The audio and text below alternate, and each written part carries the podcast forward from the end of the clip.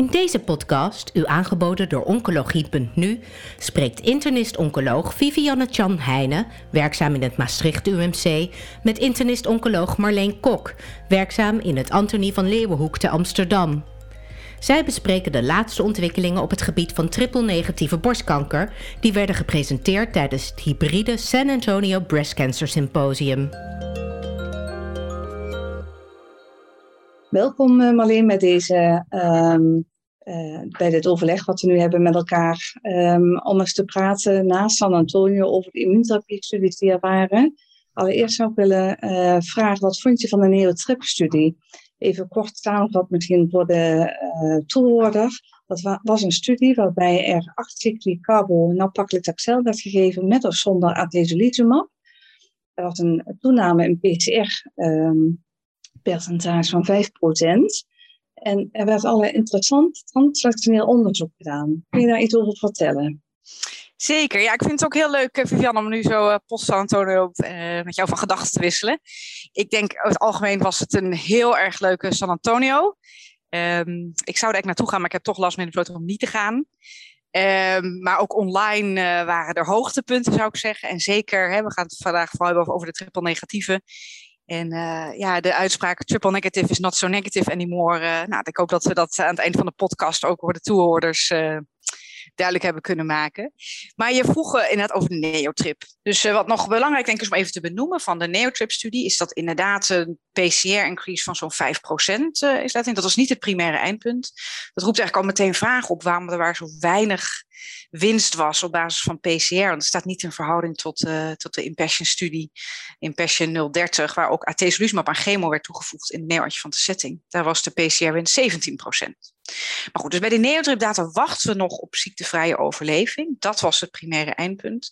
Maar ondertussen laat de, Italiaanse groep, uh, die zijn heel uh, productief en fanatiek, wel al translationele data zien. En op San Antonio hebben ze van de 280 patiënten die hebben meegedaan aan de studie. Het merendeel hebben ze uh, RNA-sequencing resultaten, dus genexpressie van laten zien. Maar ook imaging mass cytometry, IMC. Dat wordt in de volksmond ook wel tissue cytof genoemd. En wat dat is, dat zijn um, experimenten gewoon op een koepen. Waarbij je eigenlijk met één experiment zo'n 40 eiwitten kan bekijken. En dat je ook nagenoeg echt naar een single niveau kan. Dus dat je echt van één cel in zo'n koepen kan zeggen welke eiwitten daar tot expressie komen. Dat is een hele ingewikkelde techniek. En het is denk ik heel, belang, heel knap dat de Italianen van zo'n grote set uh, die data hebben gegenereerd en al gepresenteerd. Nou, wat we, het zijn eigenlijk drie dingen die ik daaruit wil, uh, uit wil lichten, die denk ik voor de toekomst belangrijk kunnen zijn. Allereerst wel, het is het allerbelangrijkste van welke eiwitexpressie in immuuncellen en ook in de kankercellen is gecorreleerd met, uh, met, met benefit van die atezolizumab. En allereerst is er een marker die we al kennen, KI67 dat is een marker voor proliferatie, die sprong er echt uit wat mij betreft. Dus de, als een tumorcel meer Ki67 heeft, was er meer profijt van atezolizumab. Nou, daar je wel iets bij verzinnen, snel prolifererende tumoren, reageren überhaupt beter op therapie. Maar wat vooral nieuw is, is dat die Ki67 uh, levels op de immuuncellen. Dus de mate van delingsactiviteit, proliferatie van immuuncellen lijkt belangrijk. En dat is natuurlijk als je de de leerboeken immunologie bekijkt, snappen we dat ook. Dat een immuuncel actief is en bezig is te delen. In die zin, die, die ruikt onraad. En, en, en dat zie je dus ook in de immuuncellen bij triple-negatieve borstkanker terug. En dat vond ik heel erg interessant. Toch een simpele manier om te kijken of je immuunsysteem aanstaat. Nou, diezelfde analyse, analyse kwam ook PDL1 naar voren. Um, en dat vond ik uh, ja, in ieder geval bevestiging van wat we al weten, dat PDL1 wel iets te maken heeft met voorspellende waarden van toevoeging van uh, anti-PDL1. Maar eigenlijk net als in andere neoadjuvante studies ja, was het niet heel duidelijk wat de waarde van PDL1 was. Dus het geeft een hint. Oh, daarop voortbordurend, het maakt uit waar die PDL1 tot expressie komt. Dus de Italiaanse groep in de neotrip-studie heeft heel mooi laten zien dat die PDL1-expressie op de antigeen presenterende cellen moet zitten. En niet zozeer op de tumor of op de T-cellen. het mechanisme erachter, dat weten we eigenlijk nog niet. Maar dat lijkt wel iets typisch voor borstkanker te zijn. En met name als die antigeen presenterende cellen ook bepaalde signalen van immuunsuppressie hebben gezien. Dat is IDO-expressie hadden ze. Dus ik denk, dit laat weer zien dat vervolgstudies zich moeten focussen. Hoe kunnen we nou in de kliniek een test van PDL1 op specifieke immuuncellen? Ik denk dat we daar met z'n allen naartoe moeten werken.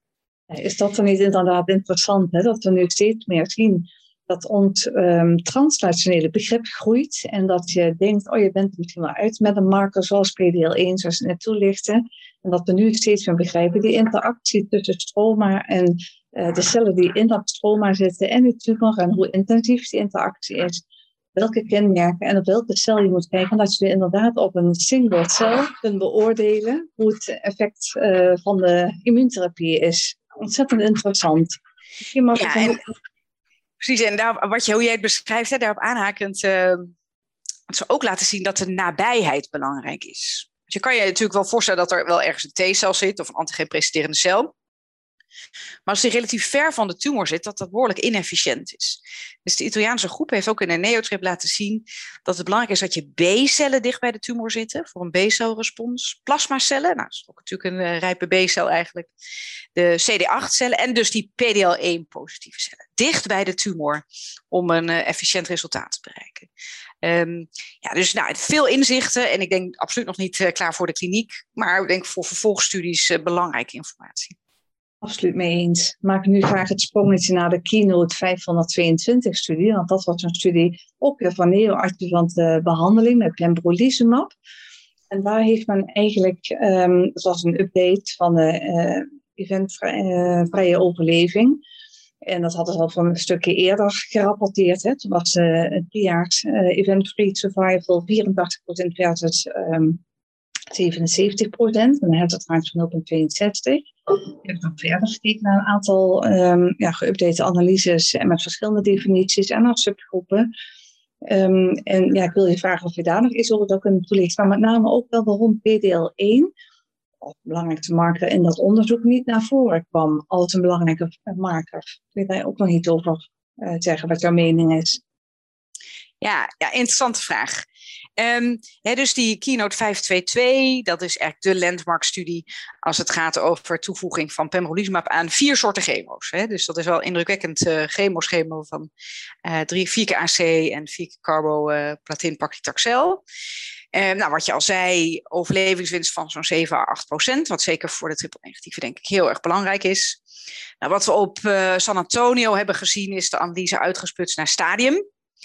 Um, de, vanuit zeker immunologische aspecten kan je ook bedenken dat misschien als je een kleine tumor hebt zonder lymfeklierbetrokkenheid, dat misschien de immuuntherapie wel effectiever is. En die hogere stadia, hè, misschien gaat dat toch meer richting stadium 4, wat minder effectiviteit van, uh, van immuuntherapie. Maar dat lijkt dus niet zo te zijn. Dat in de stadium 3's was de winst 10%, en in de stadium 2's nou, die 7 tot 8%.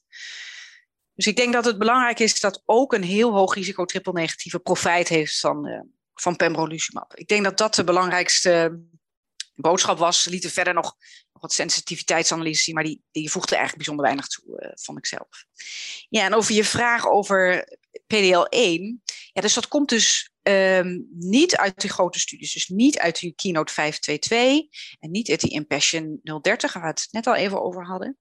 En dat komt dus wel uit de studies in de gemetiseerde setting. En dat roept vragen op. Ik denk allereerst in de gemetiseerde setting kijk je echt naar een hele selectie van patiënten. Natuurlijk de echt hoog risico mensen die echt een immune escape hebben laten zien. Um, en in die hele vroege fase, dat is gewoon, ik denk dat, die, dat daar de mix veel heterogener is. En daar zitten ook tumoren bij, ja, die blaas je al weg met een snufje chemotherapie. Nou, in de gemetiseerde setting uh, kennen we dat eigenlijk niet. Um, ja, en ik denk dat immuuntherapie in, heeft meer kans in die vroege fase. Dus dan, dan, is het, ja, moet je op een andere manier die biomarkers uh, vinden. En ik denk dat we net hebben, hè, wat we, die neotrip-studie die we net bespraken. Ja, we kijken echt naar bulk van alle cellen. En dan middelen we dat. Uh, maar misschien hoef je maar één PD-1-positieve cel te hebben. Of, en, en, misschien zit hij wel helemaal verstopt of maakt het uit hoe dicht hij bij de, bij de kankercellen zit. Um, ja, dus vooralsnog hoeven we uh, dat in, hè, als we de keynote 522, als dat wordt goedgekeurd in Nederland, hebben we daar geen biomarker voor. Dat is wel um, een belangrijk punt waar we met z'n allen aan moeten werken. Dus biomarkers om de goede patiënt te selecteren, maar dat is dus niet de PDL1 zoals we die in de gemediceerde setting eh, zullen gaan gebruiken. Ja, want als we overgaan naar de gemetiseerde setting, dan was de keynote uh, 355 werd opnieuw gepresenteerd. Ook daarbij de iets langere termijnresultaten. Er werd opnieuw gekeken naar, um, ook weer naar subgroepen. Um, en daarbij werd met name wel weer naar de PDL1 gekeken, verschillende percentages.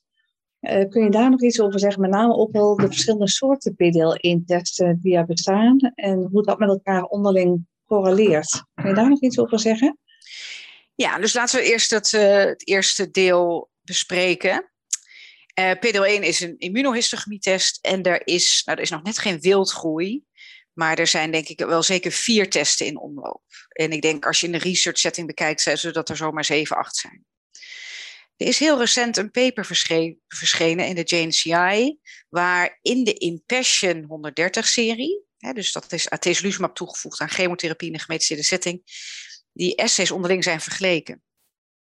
En daar zie je dat er wel overlap is, maar niet volledig. Dus er zijn tumoren die PDL1 negatief zijn met de ene test en positief met de andere test. Um, ik denk zelf dat als een tumor echt gewoon helemaal negatief is, hè, dan kun je elke test gebruiken en helemaal positief is het ook. Maar dat grijze gebied, uh, ja, daar zijn 50 grijstinten om zo te zeggen. En het maakt dus uit welke test je aanvraagt. En ik denk, ja, het is een groot probleem. Idealiter wil je gewoon een goedkope test die in elk lab gedaan kan worden. Ik denk dat, dat, dat we daar naartoe moeten werken. Maar nu we eigenlijk nog niet precies weten hoe dat moet, denk ik toch dat we ons moeten houden aan de ja, de, de essays zoals die in de studies zijn gebruikt, om, om toch een beetje hè, op de manier zoals in de studie die patiënten te selecteren. En hè, vooralsnog, als je dus, ik denk dat wij dus binnenkort in Nederland pembrolizumab met chemotherapie kunnen voorschrijven aan de PDL1-positieve. En dat is gedaan met de SC, waarbij ze de kloon 22C3 van DACO gebruiken. Ik heb hier overigens geen aandelen of zo, dat ik daarom een essay aanprijs, maar dat is puur vanuit de, de studie geredeneerd. En de cut-off die we eerder hebben gezien, die, uh, die voorspellend is om, om, de groep waar de benefit zit eruit te halen, is met een, is een cut-off van 10. En die 10 staat voor Combined Positivity Score. PDL1-expressie op de tumor, zowel als op het infiltraat. Ja, daar zitten die antigeen-presenterende cellen dan ook bij, zoals we net bespraken. En dat is bij de gemetiseerde triple-negatieve borstkankergroep is dat zo'n uh, kleine 40% waar we het over hebben. Dus merendeel scoort PDL1 negatief. En wat we op San Antonio hebben gezien is dat wat gebeurt er nou als je die cut-off naar 1% zet of die cut-off als je nog stringenter bent naar 20%. Nou, het lijkt erop als die cut-off naar 1% gaat. Hè, daar was de, de hazard ratio, ja, was in, ging boven de 0,7. Het was niet meer significant. Um, hè, dus dat je daarmee te veel mensen de, dure geneesmiddel geeft zonder profijt. En als je naar 20% gaat, in plaats van 10, een cut-off van 20% in plaats van 10%, dan lijkt de benefit ongeveer hetzelfde, waarbij je minder patiënten behandelt. Ja, dit, is absoluut, denk ik, uh, wel gedreven door bepaalde industriële slash financiële prikkels.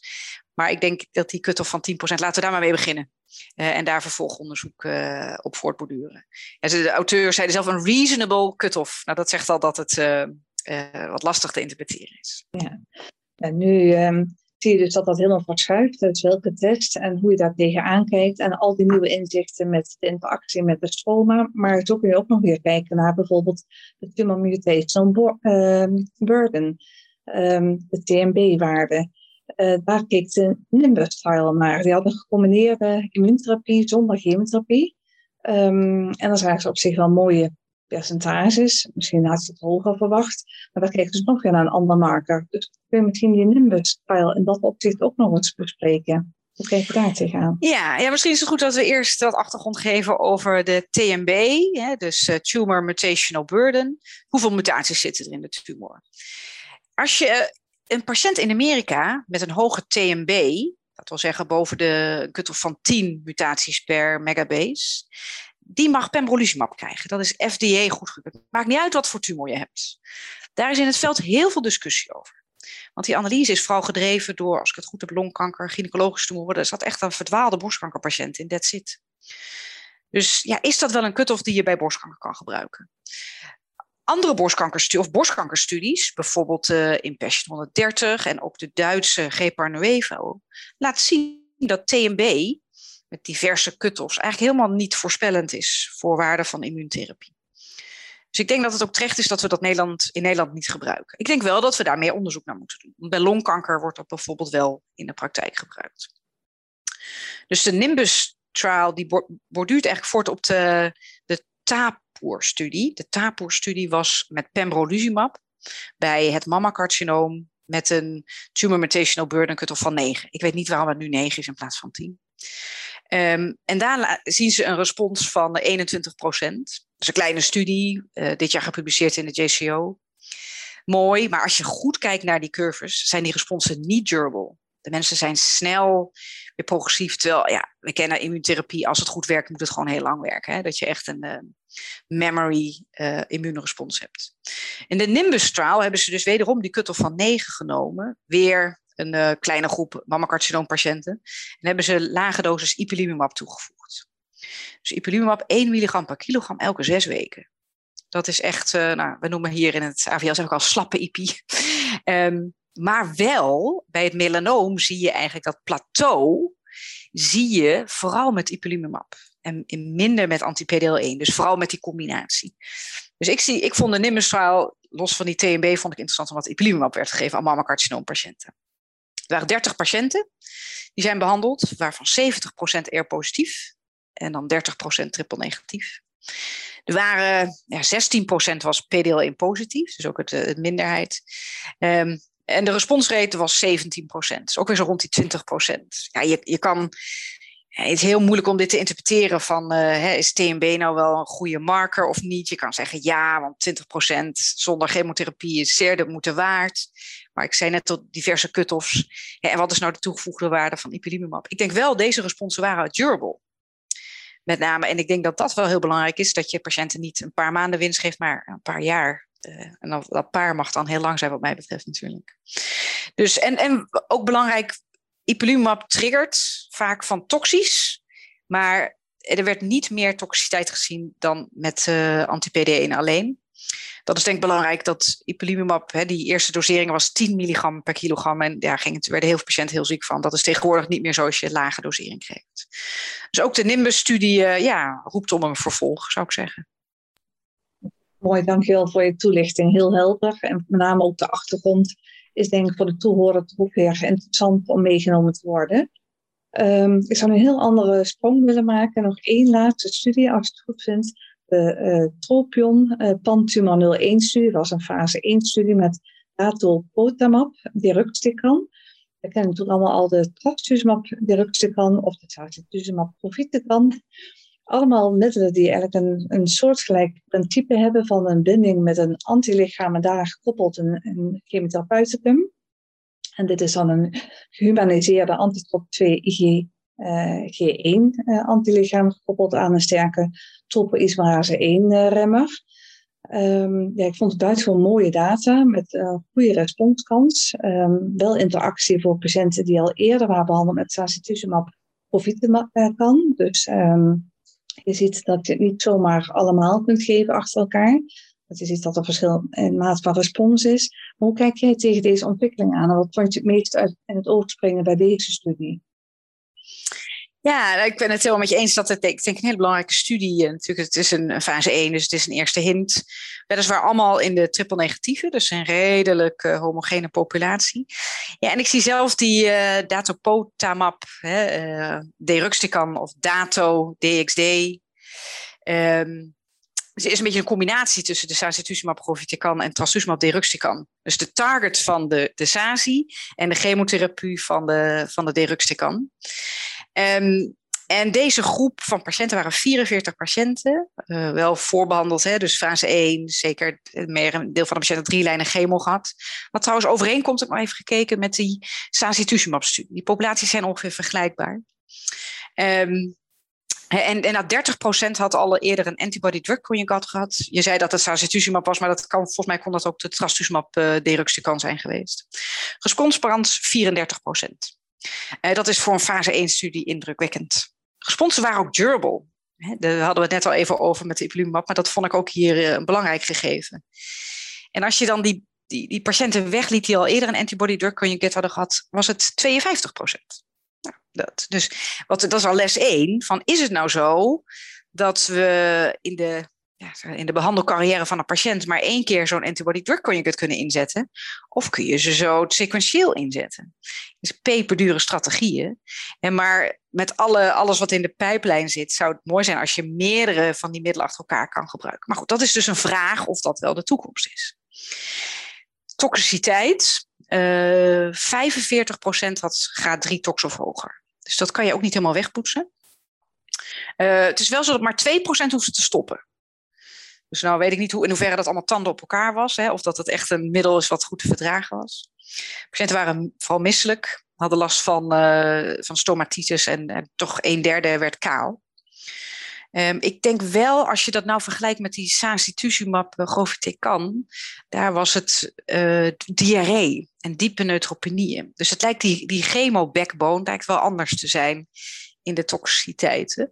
Over het algemeen, als die, deze dato DXD lijkt in ieder geval niet meer toxisch dan de andere antibody drug conjugate. En ik denk dat de, de effectiviteit vergelijkbaar is met die sacituzumab. Als je dat al mag zeggen, zijn natuurlijk, het is niet head-to-head vergeleken. Dus ja, um, nou, hopelijk zien we hier meer van, uh, zou ik zeggen. Ja, nou, geweldig uh, uh, mooie antwoorden voor alle inzichten. fijn dat je dat wilt delen met ons en met alle toehoorders.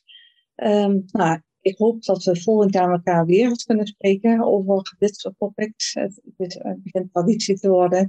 En ik denk dat, um, dat velen dankbaar zijn voor zo'n mooie toelichting. Dankjewel Marleen. Ja, veel plezier gedaan en uh, tot volgend jaar. Bent u geïnteresseerd in meer podcasts? Deze zijn te vinden op de website oncologie.nu.